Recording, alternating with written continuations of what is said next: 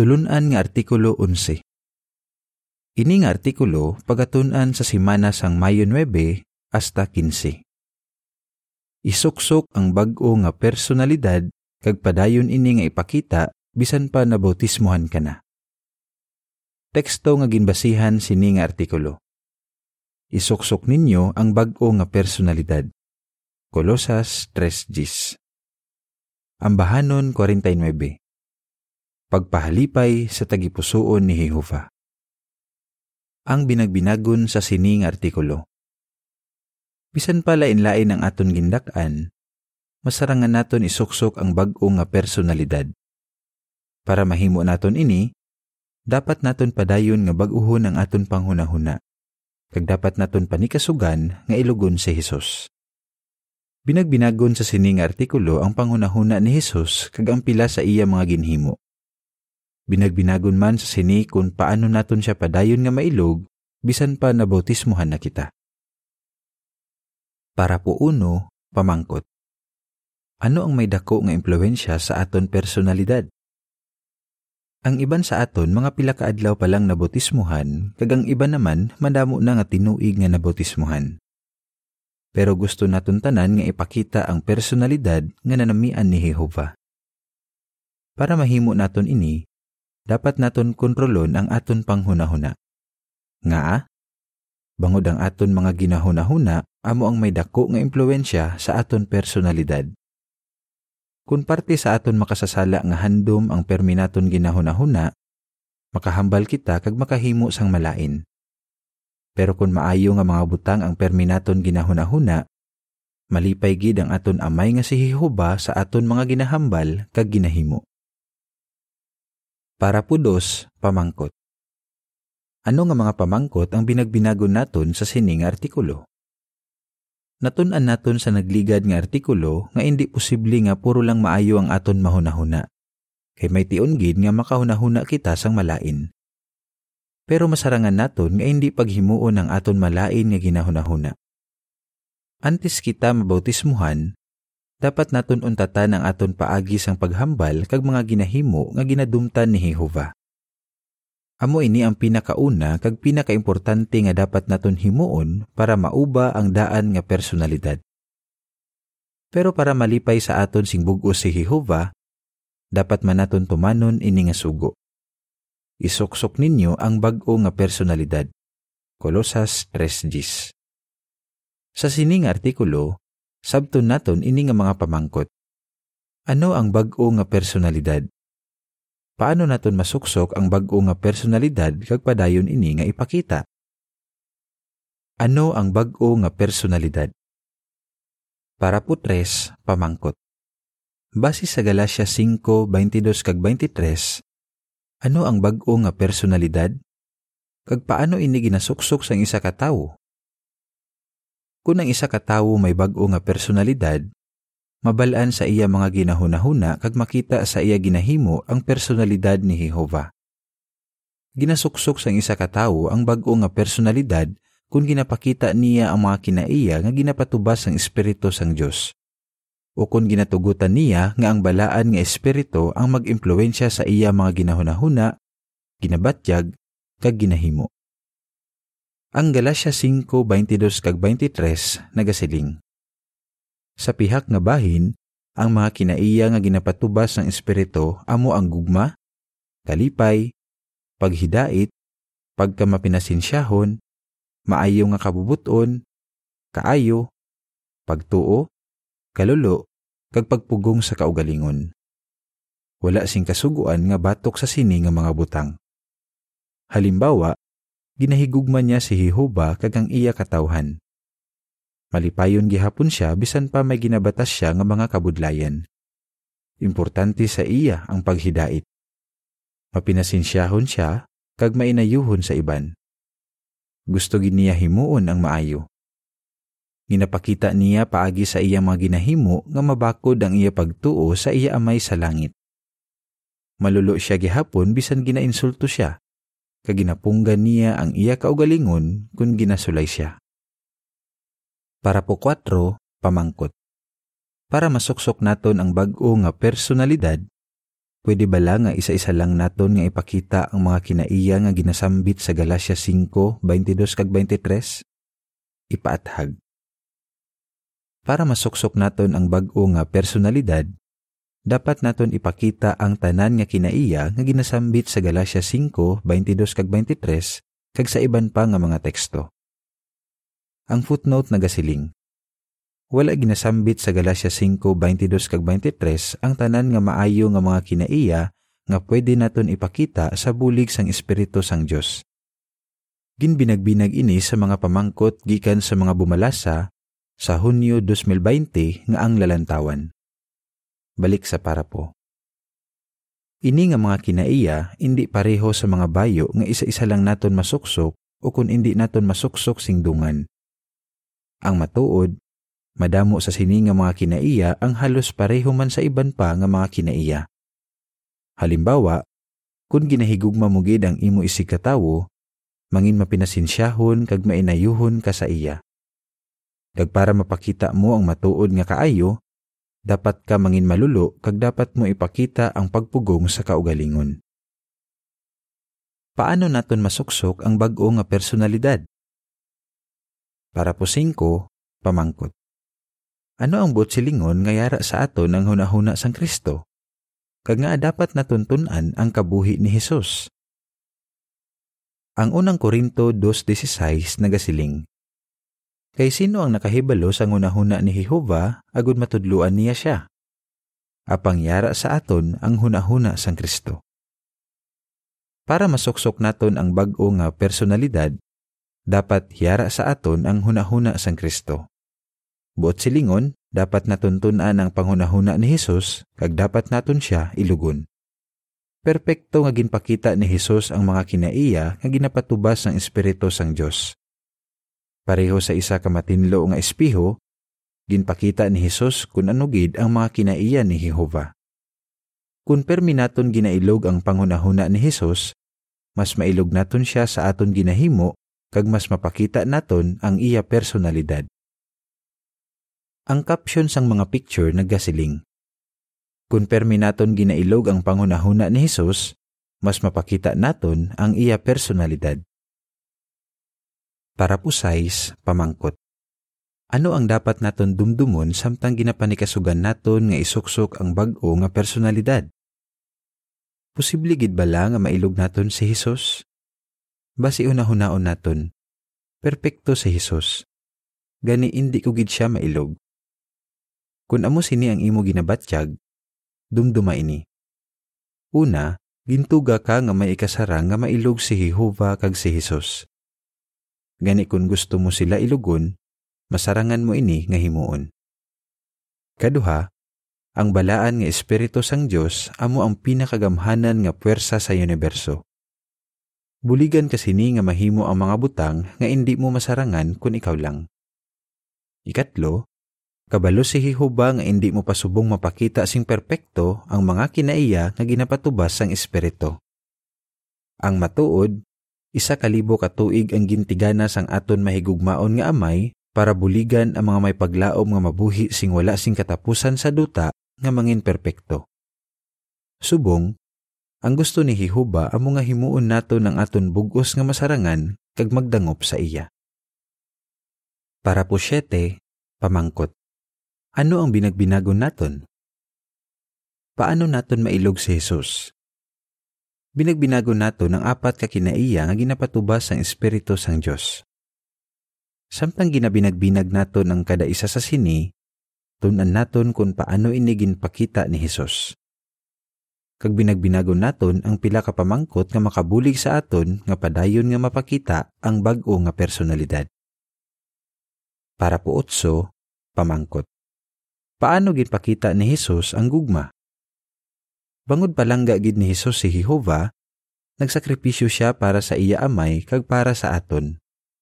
Sang ari si Hesus sa duta, ginpakita niya nga palangga gid niya ang mga tawo. Kada adlaw, mahigugmaon siya kag maluluyon bisan pa ginpamatukan siya sang iban. Ang isa ka importante nga paagi nga ginpakita niya nga palangga niya ang mga tawo amo ang pagtudlo sa ila parte sa ginharian sang Dios. Ginpakita man ni Hesus nga palangga niya ang Dios kag ang mga tawo kay handa siya nga magsakripisyo. Kag handa siya nga magantos kag patyon sa mga makasasala. Bangod sang iya ginhimo, nangin posible para sa aton tanan nga makabaton sang kabuhi nga wala sing katapusan. Para po 9, pamangkot. Paano naton mailog si Jesus sa pagpakita sang gugma? Nagdidikar kita kay Jehova kag nagpabotismo bangod palangga nato ng aton amay sa langit. Gani pareho kay Hesus, dapat naton ipakita kay Jehova nga palangga naton siya paagi sa pagpalangga man sa mga tao. Nagsulat si Apostol Juan, ang isa nga wala nagahigugma sa iya utod, nga makita niya, hindi makahigugma sa Dios nga wala niya makita. Unang Juan 4.20 pwede naton pamangkuton ang aton kaugalingon. Palangga ko gid bala ang mga tawo? Naluoy bala ako sa iban bisan pa ginapamatukan nila ako? Ginapaligon bala ako sang akon gugma nga gamito ng akon tion kag kwarta para buligan ang iban nga makatuon parte kay Jehova. Handa bala ako nga himuon ini bisan indi interesado ang kalabanan nga tawo sa sini o kun bisan ginapamatukan nila ako? Pwede ko pa bala dugangan ang akong tion nga ginagamit sa pagtudlo sa iban para buligan sila nga mangin disipulo? Para po Jis, pamangkot. Paano ginpakita ni Hesus nga importante sa iya ang paghidait? Importante kay Hesus ang paghidait. Sang gininsulto siya sang mga tawo, wala siya nagbalo sang malain sa ila. May ginhimo pagid siya nga nagapakita nga importante sa iya ang paghidait ginbuligan niya nga magkalma ang mga nagabaisay. Kaginpaligon niya nga makikidait ang mga wala nagahangpanay. Halimbawa, gintudluan niya sila nga dapat sila makighidait sa ila utod kung gusto nila nga batunon ni Jehovah ang ila pagsimba. Kag sulit-sulit niya nga ginbuligan ang mga apostoles para mauntat ang ila pagbinaisay kung sino ang pinakamataas sa ila. Para po onse, pamangkot. Paano naton mapakita nga importante sa aton ang paghidait? Para mapakita naton nga importante sa aton ang paghidait, dapat naton likawan nga mangin rason kita sang indi paghangpanay. Pero may dapat pa kita himuon. Dapat naton tinguhaan nga makighidait sa iban, kag dapat naton paligunon ang aton mga kauturan nga sulbaron ang ila indi paghangpanay. Pwede naton pamangkuton ang aton kaugalingon Handa bala ako magsakripisyo para makighidait sa iban? Kung may ginsiling o kung ginhimo ang isa ka utod nga nagpalain sang akon buot, nagadumot bala ako sa iya? Ginahulat ko bala nga siya ang makighidait sa akon? O kung ako ang una nga nagatinguha nga makighidait sa iya, bisan pa pamatsyag ko, siya ang may sala. Kung nagakaigo, ginapaligon ko bala nga makighidait ang mga wala nagahangpanay? Para po 12, pamangkot. Paano ginpakita ni Hesus nga mainayuhon siya? Mainayuhon si Hesus. Ginpakita niya ini paagi sa pagpabilin nga kalmado kag makatarunganon bisan sa mga sitwasyon nga mabudlay ini himuon. Halimbawa, ginpangabay siya sang isa ka babayi nga taga Phoenicia nga ayuhon ang iya anak. Sang primero, wala ginhimo ni Hesus ang iya ginpangabay. Pero sang nakita ni Hesus ang iya dako nga pagtuo, mainayuhon nga ginayo ni Hesus ang iya anak. Mainayuhon si Hesus, pero nagahatag man siya sang laygay. Kun kaisa, ginapakita niya nga mainayuhon siya sa iya mga pinalangga paagi sa paghatag sa ila sang prangka nga laygay. Halimbawa, sang gusto ni Pedro nga punggan si Hesus nga himuon ang kabubuton ni Jehova, ginsabdong ni Hesus si Pedro sa atubangan sang iban pa nga mga disipulo. Ginhimo niya ini, hindi para pakahuyan si Pedro, kundi para hanason siya. Gusto man ni Hesus paandaman ang iban pa nga mga disipulo nga hindi nila siya dapat punggan nga himuon ng kabubuton sang Dios, kundi dapat nila siya unungan. Posible gid nga nahuyan si Pedro, pero nakabenepisyo siya sa pagdisiplina sa iya. Para po 13, pamangkot. Paano naton mapakita nga mainayuhon gid kita? Para mapakita mo sa imo mga pinalangga nga mainayuhon ka gid, posible nga kinahanglan mo sila nga prangka nga laygayan kun kaisa. Kung kinahanglan mo sila laygayan, iluga si Hesus. Gamita ang mga prinsipyo sa pulong sang Diyos kung nagalaygay ka. Mangin malulo. Huna-hunaa nga gusto nila himuon kung ano ang maayo. Kag magsalig nga batunon nila ang imo mahigugmaon nga laygay kay palangga nila si Jehova kag palangga kanila. Pamangkuta ang imo kaugalingon. Kung makita ko nga may ginahimo nga indi maayo ang akon pinalangga, may kaisog bala ako nga laygayan siya? Kung nagalaygay ako, mainayuhon bala ako o kung masakit ako maghambal? Ano ang akon motibo sa paglaygay? Nagalaygay bala ako bangod na ugot ako sa iya o kung bangod gusto ko siya buligan? Para po 14, pamangkot. Paano ginpakita ni Hesus ang kaayo? Kabalo si Hesus kung ano ang maayo kag ginahimo niya ini. Palangga ni Hesus ang iya amay. Gani permi niya ginahimo kung ano ang husto. Kag husto permi ang iya motibo. Ang maayo nga tawo permi nagapangita sing paagi para makabulig sa iban kag nagahimo siya sing maayo sa ila. Hindi bastante nga nabalaan lang naton kung ano ang husto. Dapat gid naton inihimuon kag dapat husto gid ang aton motibo. Mahimo mamangkot kita. Posible bala nga husto ang aton ginahimo pero sala ang aton motibo? Oo. Halimbawa, ginsambit ni Hesus ang parte sa mga tawo nga nagahatag sang bulig sa mga imol pero ginasigurado nila nga mabalaan ini sang iban. Maayo ang ila ginahimo, pero wala malipay sa ila si Jehova. Para po 15, pamangkot. Paano naton mapakita nga matuod ang aton kaayo?